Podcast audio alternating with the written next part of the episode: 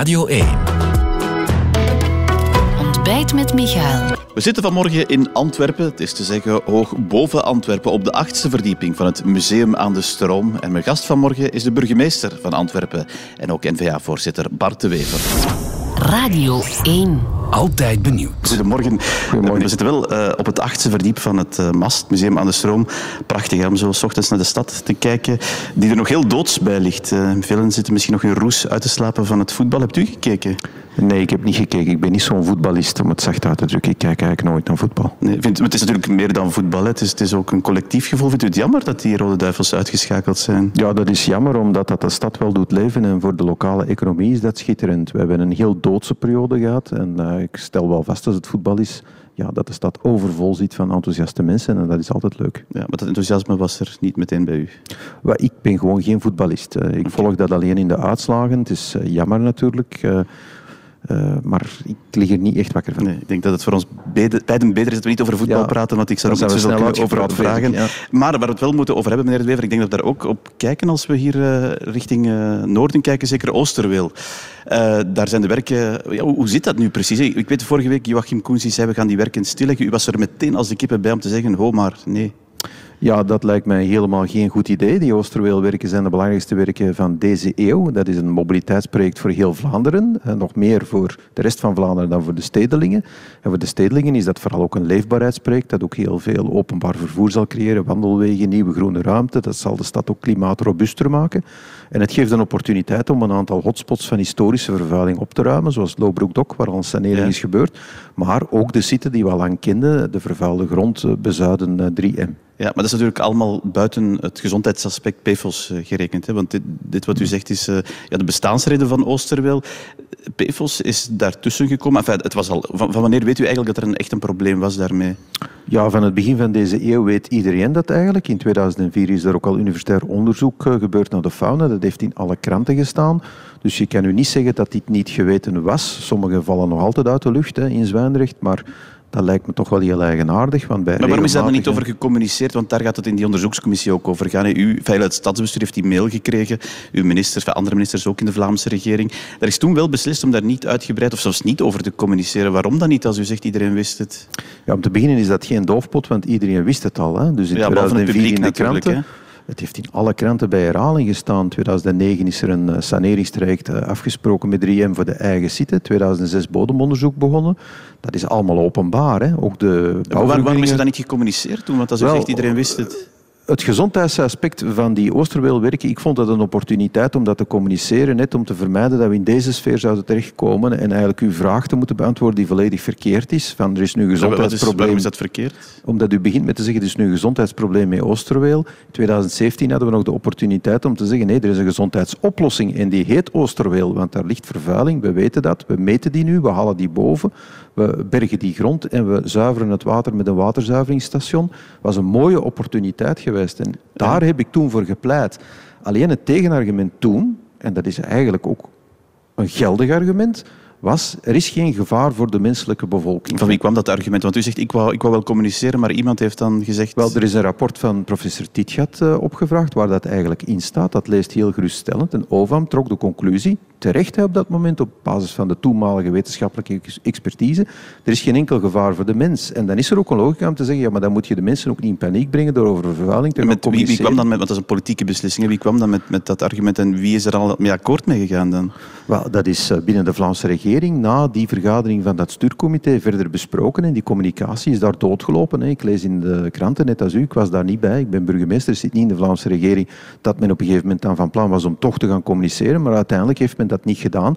Nu lijkt dat heel eigenaardig en is dat moeilijk uit te leggen, maar toen zat er ook een logica achter van ja, er zijn geen humane consequenties. En laat mij ook eerlijk zijn, die zijn er ook niet. Hè. Ook vandaag niet, met normen die 200 keer strenger zijn geworden, hebben wij nergens in Antwerpen, in bewoond gebied, een overschrijding van de saneringsnorm. Dus als, als die vergunningen zouden afgewogen worden aan de nieuwe normen, want dat wordt wel eens gezegd, dan, dan is dat geen probleem, denkt u? Maar ik denk dat niet. Nee. Ik denk dat de, de mensen van Landis die die werken uitvoeren echt als goede huisvaders ermee zijn omgegaan. Zij zijn eigenlijk de klokkenluiders in die dossier geweest, die nog maar eens hebben gezegd, ja, die vervuiling zit hier effectief, we meten die ook. En we gaan met de, de normen die toen niet bestonden, hè, bestonden geen normen. We gaan toch met de normen die we in Nederland zien, die toen de strengste waren, aan de slag gaan. En ik zie niet anders dan goede wil en bereidheid om eventueel nog strengere maatregelen te nemen op die werf. Maar het aller, allerdomste dat je kan doen, is die werf stilleggen. Dat is het aller, allerdomste dat je kan doen. Nog even over nu, de communicatie. op korte termijn met toxicologen kijken, kan het beter. Daar heb ik geen probleem dus mee. Die, die, normen, die werken normen, moeten sowieso doorgaan. En eventueel vergunningen aan nieuwe normen toetsen, dat, dat vindt u dat kan?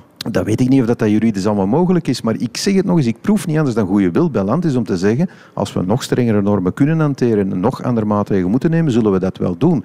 Maar het domste dat je kan doen is die werf in vraag stellen, want dat is natuurlijk de agenda van de Groenen, die een verpletterende verantwoordelijkheid dragen in dat PFOS Vorige week meneer eh, Koens dat ook horen zeggen trouwens, het zit in uw regering, in uw Vlaamse ja, maar dat is dus, eh, vind ik, geen, dat heb ik hem ook laten weten, echt geen verstandige uitspraak. Um, omdat dat de groene agenda is. De groenen zijn tegen de auto, die zijn tegen mobiliteitswerken, die zijn altijd tegen Oosterwel geweest, die zijn eigenlijk altijd tegen alles. Maar dit is de regeringspartij uit uw eigen regering, meneer Ja, dat is dus heel jammer. Ik betreur dat. Ik ga dat ook is er dan een probleem in die regering? Ja, uh, als die Oosterweelwerf daadwerkelijk zou worden stilgelegd, dat wil zeggen in zijn geheel stilgelegd, een miljardenproject dat al onderweg is, waar we twintig jaar op geschikt hebben, waar ik het grootste deel van mijn politiek leven aan geduwd heb, aan die kern het mirakel heb gedaan om met die burgerbewegingen uh, tot een akkoord te kunnen komen. Hè. Vooral Koen Kennis en Ben Wijts hebben daar enorm voor gewerkt. Burgerbewegingen die vandaag ook zeggen doe verder met die Oosterweel-werken. En dat zijn burgerbewegingen die voor de gezondheid van de mensen opkomen. Dan moeten horen van een coalitiepartner, ja, we gaan die werf misschien stilleggen. En dan denk ik, ja, uh, dit kan gewoon niet. Dit is één, een onverstandige uitspraak. CD&V Antwerpen heeft dat ook gezegd. De gouverneur van Antwerpen heeft dat ook gezegd. Dus ik denk dat hij de bal gewoon heeft misgeslagen. Ja, maar is er een probleem als dat binnen de Vlaamse regering toch de teneur wordt bij uw twee coalitiepartners? Well, ik ga er niet vanuit dat dat zo zal zijn. Daar ga ik echt niet vanuit. Dat kan ik niet geloven. Zo dom kan niemand zijn om een werf van de eeuw die al onderweg is. is er dan een probleem? Want daar heb je nog niet op geantwoord. Hè? Als ja, dat ik kan er niet, dat is een heel hypothetische vraag, omdat ik er gewoon vanuit ga dat niemand zo dom kan zijn om de Oosterwelwerf en die werken uh, Dat is misschien ook een retorische vraag. Als ik u een beetje hoor uh, daar naartoe gaan, dan is er een probleem. Ja, u mag mij die vraag nog twintig keer stellen. Ik ga ervan uit dat we niet in die situatie gaan terechtkomen. Ik kan okay. me niet voorstellen dat beleidsmakers zo dom kunnen zijn. Oké, okay, dat is een duidelijk punt. In elk geval nog even over die communicatie. Want u zegt dat binnen de Vlaamse regering. Ja, uw partij zat daar wel bij. Kunnen er lijken uit de kast vallen?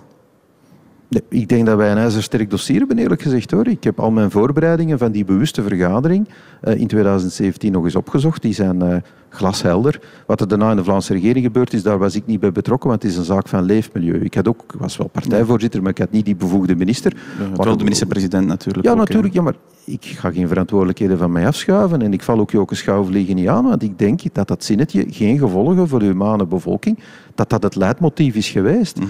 Nu wordt dat door een heel ander perspectief bekeken. En met de kennis van vandaag voert men dan een proces tegen het verleden. Maar veel van de partijen die daar de rauwe trom roeren en, en soms met degoutante uh, advertenties op Facebook komen, zoals Groen, met, met, met, kankerpatiënten die in bedden liggen en onwaarschijnlijk, ja, heb ik de indruk dat ze vooral hun eigen verantwoordelijkheden in dat dossier willen, willen wegmoffelen. Even, uh, want dit is de teneur van de, de, laatste week natuurlijk, Oosterweel. Het politieke jaar dat uh, stilaan afgesloten wordt. Daar stond corona natuurlijk uh, centraal. Ik denk op alle beleidsniveaus, ook op het uwe. Natuurlijk ook op het Vlaamse en het federale. Het was ook het jaar sinds september waar uw partij Vlaams in de meerderheid zat, federaal in de oppositie. ik weet dat u het begin van het jaar ook bij ons zei, het is een moeilijke spreidstand. Is dat nog altijd uw evaluatie? Ja, corona is voor ons absoluut geen zegen geworden, omdat natuurlijk het Vlaamse niveau helemaal ondergeschoven is geraakt onder het federale.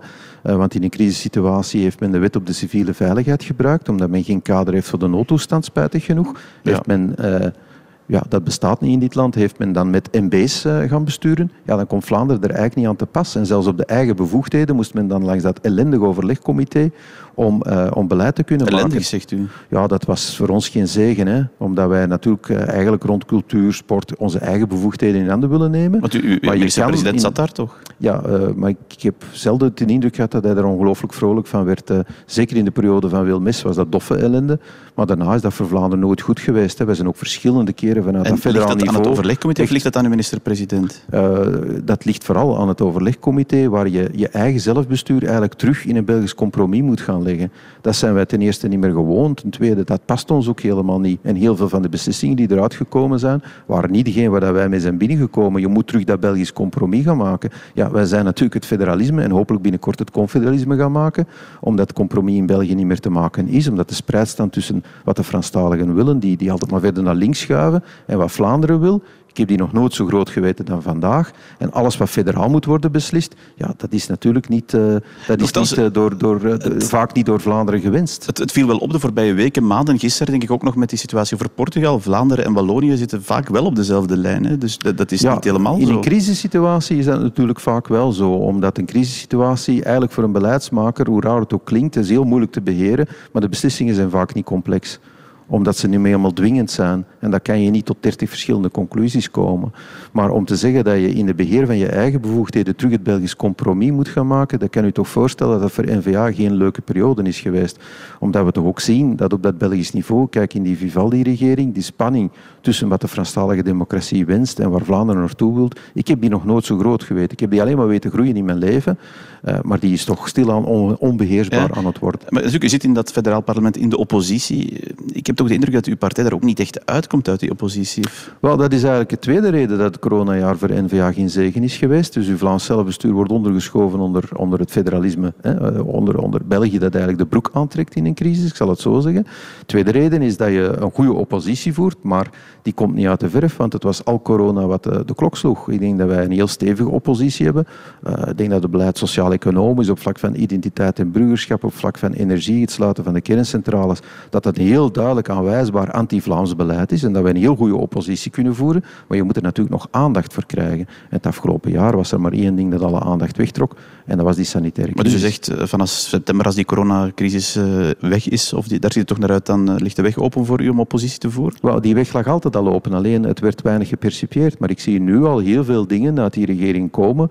Ja, de neutraliteit van de overheid wordt terzijde geschoven. Meneer Boucher zegt, dat kan toch niet. Een vrouw met een hoofddoek die regeringscommissaris wordt. Wij zijn een lekenstaat ja, die zegt eigenlijk wat wij denken, maar niet wat Vivaldi doet. Ook op sociaal-economisch vlak ja, is dit een regering die vooral passieve kiezers beloont, uitkeringstrekkers, langdurig werklozen. Vlaanderen is een land dat wil werken, sparen en ondernemen. Dat wordt door deze regering niet bediend. Uh, als binnenkort die kerncentrales effectief gesloten worden, ja, dat is niet wat Vlaanderen wil. En ik denk dat wij het belang kunnen opmaken van een regering die inderdaad niet gedomineerd wordt door de hoofdstroom van de Vlaamse democratie. Is, is het nog altijd voor u, ja, hoe moet ik dat zeggen, zit u te kniezen omdat u niet in die federale regering zit uiteindelijk? Ik zit helemaal niet te kniezen, maar denk wel dat er een historische opportuniteit is gemist in de zomer van 20 toen eigenlijk de weg naar het confederalisme geopend is door de PS. En eigenlijk voor de eerste keer sinds heel lang die partij haar kaarten op tafel heeft gelegd. In de hele periode die Roepo was dat onderwerp taboe. Als ik aan de Roepo vroeg, ja, jullie zijn toch regionalistisch? Dan zei hij, nee, nee, ce sont les pensionnés hè, bij ons. Uh, dat leeft niet meer. Heeft Mayet daar eigenlijk voor de eerste keer in de zomer toegegeven, het tegendeel is waar. Eigenlijk heeft hij mij gezegd, en lees het boek van Wouter Verschelde erover, zeer onthullend, wij zijn jullie evenzeer beu als jullie ons beu zijn. Wij zien ook wel dat wij door de communisten worden opgejaagd. Jullie hebben extreem rechts. Die optelsom, dat lukt niet meer. En dus we moeten dit land gaan uh, grondig hervormen. En daar waren we op een zuchtje van een akkoord. En dan heeft natuurlijk één bepaalde partij, de zevende van dit land, de kans geroken om het premierschap ja. te claimen en deze, de, dit, onding, dit onding van een Vivaldi-regering te maken tegen Vlaanderen in. Ja, ik wil toch nog even op dat moment gaan, dat zuchtje waar u van spreekt. Hè. Betekent dat ook dat u vandaag ook nog altijd naar die partij kijkt? Uit alles blijkt nog altijd de grootste in Wallonië, om, om in 2024, om, om daar dan toch dat akkoord waar u nu op een zuchtje van zat te sluiten? Wel, als je in het legalisme wil blijven, dus als je ooit met een akkoord dit land terug bestuurbaar wil maken, hè, je weet wat de Economist onlangs heeft geschreven, als je door buitenstaanders ogen naar dit land kijkt, is het nogal helder. Hè. Het is de most successful failed state, maar het is een failed state en is eigenlijk al helemaal opgesplitst. Maar dat, dus maar dat, dat akkoord wat daarover... Als je daar een akkoord over wil maken vanuit Vlaanderen, dan zal je met de linkerzijde van Wallonië een akkoord moeten maken. Als je legalistisch wil blijven, want zij zijn de enigen die in Wallonië de power hebben, electoraal, om dat in het parlement Wil u legalistisch blijven, want u hebt nu al twee keer dat woord gebruikt? Wel, uh, ik denk als je naar... Ik ben een conservatief politicus, ik hou niet van revoluties. Eh, dus het idee wat bijvoorbeeld Vlaams Belang promoot, eh, ja, dat is de natte droom van de Franstaligen, dat is een secessie. Wij zouden de eerste meerderheid zijn in de geschiedenis die zich afscheurt van een minderheid, waarbij uh, Maillet, letterlijk lees dat boek van Verschelde, zegt dan gaan wij de naam België houden, dan pakken wij Brussel, u zult er ook nog voor moeten betalen. En uh, Vlaanderen zal dat dan... zegt u, dat doe ik niet. Ja, dat is denk ik uh, kiezen voor een totale chaos. Mijn droom is met respect voor welvaart en welzijn van alle mensen, vooral van de Vlamingen, een ordentelijk scheidingsakkoord onderhandelen. En dan zal je naar de linkerzijde van Wallonië moeten kijken. Maar de eerste opdracht is natuurlijk in Vlaanderen dan ook de power voor verzamelen. en daar denk u, dat alleen de, een uitgestoken hand. Ik denk dat alleen de NVA dat kan. Ja, wel, u zegt alleen de NVA, u krijgt die uitgestoken hand wel heel vaak van Vlaamse Belangen. Het wordt bijna gênant te worden. Ja, ik vind het ook een beetje gênant, omdat het een partij is die helemaal niet in het legalisme wil blijven. Zij willen dus uh, ja, puur een secessie plegen hè, vanuit het Vlaams parlement. Dat is het Catalaanse scenario. Met de helft plus één zeggen we scheiden ons af van België. En alles in totale chaos. Dan krijg je natuurlijk wellicht de reactie dat de Vivaldisten gaan doordoen. En, en vanuit dat federaal niveau dat zullen annuleren en zelfs Vlaanderen criminaliseren. En voor het overige ja, zie ik dat die partij een uiterst links sociaal-economisch programma heeft waar ik niks mee heb. En op vlak van identiteit burgerschap, voor onze belangrijke as, toch een heel extreem. Maar zegt u wel in 2024 die uitgestoken hand van Vlaanderen, de kaarten zullen nog geschud moeten worden voor alle duidelijkheid in 2024. Hè. Maar als u samen een meerderheid hebt, want dat, dat kan volgens peilingen op dit moment, als het dan zover is, en er komt een uitgestoken hand, wat dan? Ik uh, zeg heel duidelijk wat ik zeg. Hè. Dat is een extreem linkse partij, sociaal-economisch, op vlak van identiteit. Hè. Dus, dus, maar u weigert die uitgestoken hand, want dat maar Ik zie die uitgestoken hand zelfs niet als een partij niet proper is op zichzelf en zelfs geen afscheid kan nemen van de meest extreme uitwassen die in die rafelranden van die partij wordt bestaan en ook gekoesterd worden. En ik dacht, die nieuwe voorzitter gaat daar iets aan doen, maar die doet er niks aan ja, dan zie ik hier geen enkele opportuniteit. Punt aan de lijn. Dus en samenwerken met Vlaams, vooral duidelijk naar de zegt samenwerken met Vlaamse Belang, het zal niet gebeuren. Ik heb geen zin om de hele tijd over een andere partij te spreken. Ik uh, geef aan de boodschap aan de Vlamingen die heel eenvoudig is. Als u een centrumrechtsbeleid wilt, zoals u dat wilt, een beleid voor mensen die werken, sparen, ondernemen, dan zal dat lopen over Vlaamse autonomie. En als u een partij zoekt die u dat kan leveren, dat beleid en die autonomie, dan is dat alleen de maar NVA. u gaat toch met... u hebt geen meerderheid, hè? dat ziet er ook niet naar uit bepaald uh, op dit moment. U gaat moeten samenwerken. U zegt niet met Vlaamse Belang, met wie dan wel? Wel, ik denk dat wij toen we in de zomer van 20 waren, eigenlijk op een zuchtje waren van de meerderheid die we nodig hadden. Dus ik denk dat je daar wel partners voor kan vinden. Ik denk dat het een tragedie is dat met name CD&V uiteindelijk dan toch voor dat Vivaldisme heeft maar Is dat uw eerste partner dan, wat u noemt hem nu expliciet? Ja, CD&V zou zeker een partner kunnen zijn daarin. Ik snap alleen niet waarom dat zij in die federale regering zijn gestapt. Ze zijn daar mathematisch niet nodig. Ze zijn eigenlijk nu het reservewieltje van Paars Groen. Het beleid van Verhofstadt dat CD&V zo heeft afgebroken. Dus het, het verspillen eh, van het primair saldo. Hè. Verhofstadt heeft eigenlijk al, al het geld opgedaan dat de Hanen had bijeengespaard. Dat doen ze nu, maar met een lege staatskas. Ze zijn putten aan het Maar in 2024 zijn zij uw eerste partner ook? Ja, dat weet ik niet. Wat ik vraag ook, u weet, en daar wil ik mee eindigen, er gaat in de wedstrijd wel het gerucht dat u elkaar wel af en toe eens terug besnuffelt. Hè? Dat oude kartel, komt dat ooit terug? ik denk dat dat eigenlijk allemaal cafépraat is, uh, die gebaseerd is op ontmoetingen die mensen in het parlement met elkaar hebben en wel eens mijmeren over van alles en nog wat. Dat is best mogelijk, maar er is niks concreet. Er zijn geen snuffelrondes, er zijn geen besprekingen. Ik denk niet dat we voor 24 welke herverkaving dan ook in het landschap eh, gaan zien. En wie er wat kan, dat zal uiteindelijk de kiezer in 24 bepalen. Ik geloof alleen in mijn eigen kracht. En ik uh, voer campagne voor mijn eigen partij en ik spreek niet over andere partijen uh, waarvan ik in sommige hopelijk een partner zie en andere die zich zo voordoen eigenlijk helemaal niet. maar je hebt wel heel veel duidelijkheid al gegeven, maar 2024 is nog ver natuurlijk. Slotvraag meneer De Wever, ik denk dat u door die uh, onderhandelingen de laatste jaren niet op zomervakantie kunnen gaan bent. Is dat nu anders?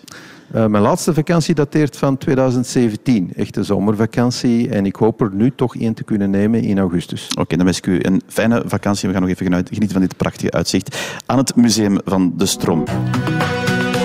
Dit was Ontbijt met Michael, een podcast van Radio 1. Ontdek nog meer podcasts van Radio 1 in onze app en op radio1.be. Altijd benieuwd.